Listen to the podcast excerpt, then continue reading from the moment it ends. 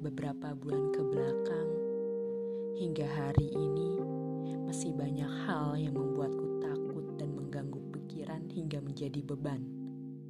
Tentang banyak hal dan tentang ekspektasi orang sekitar.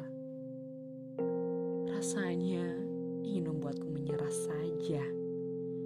Di akhir hari, lalu teringat bahwa mataku tidak tercipta untuk melihat semua hal. Telingaku tidak tercipta untuk mendengarkan semua hal. Aku hanya ingin tumbuh tanpa harus dibunuh. Namun terkadang ekspektasi orang lainlah yang membunuh.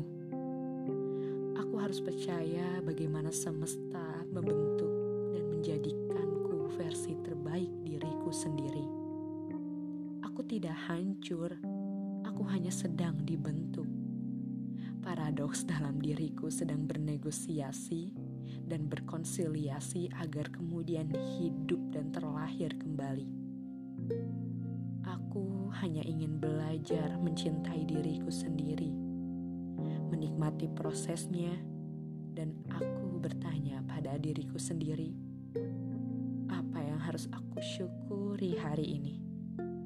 Ternyata rasa sedih, kecewa, membuatku menemukan rasa syukur dan kebahagiaan dalam diri dengan versi sendiri tanpa orang lain.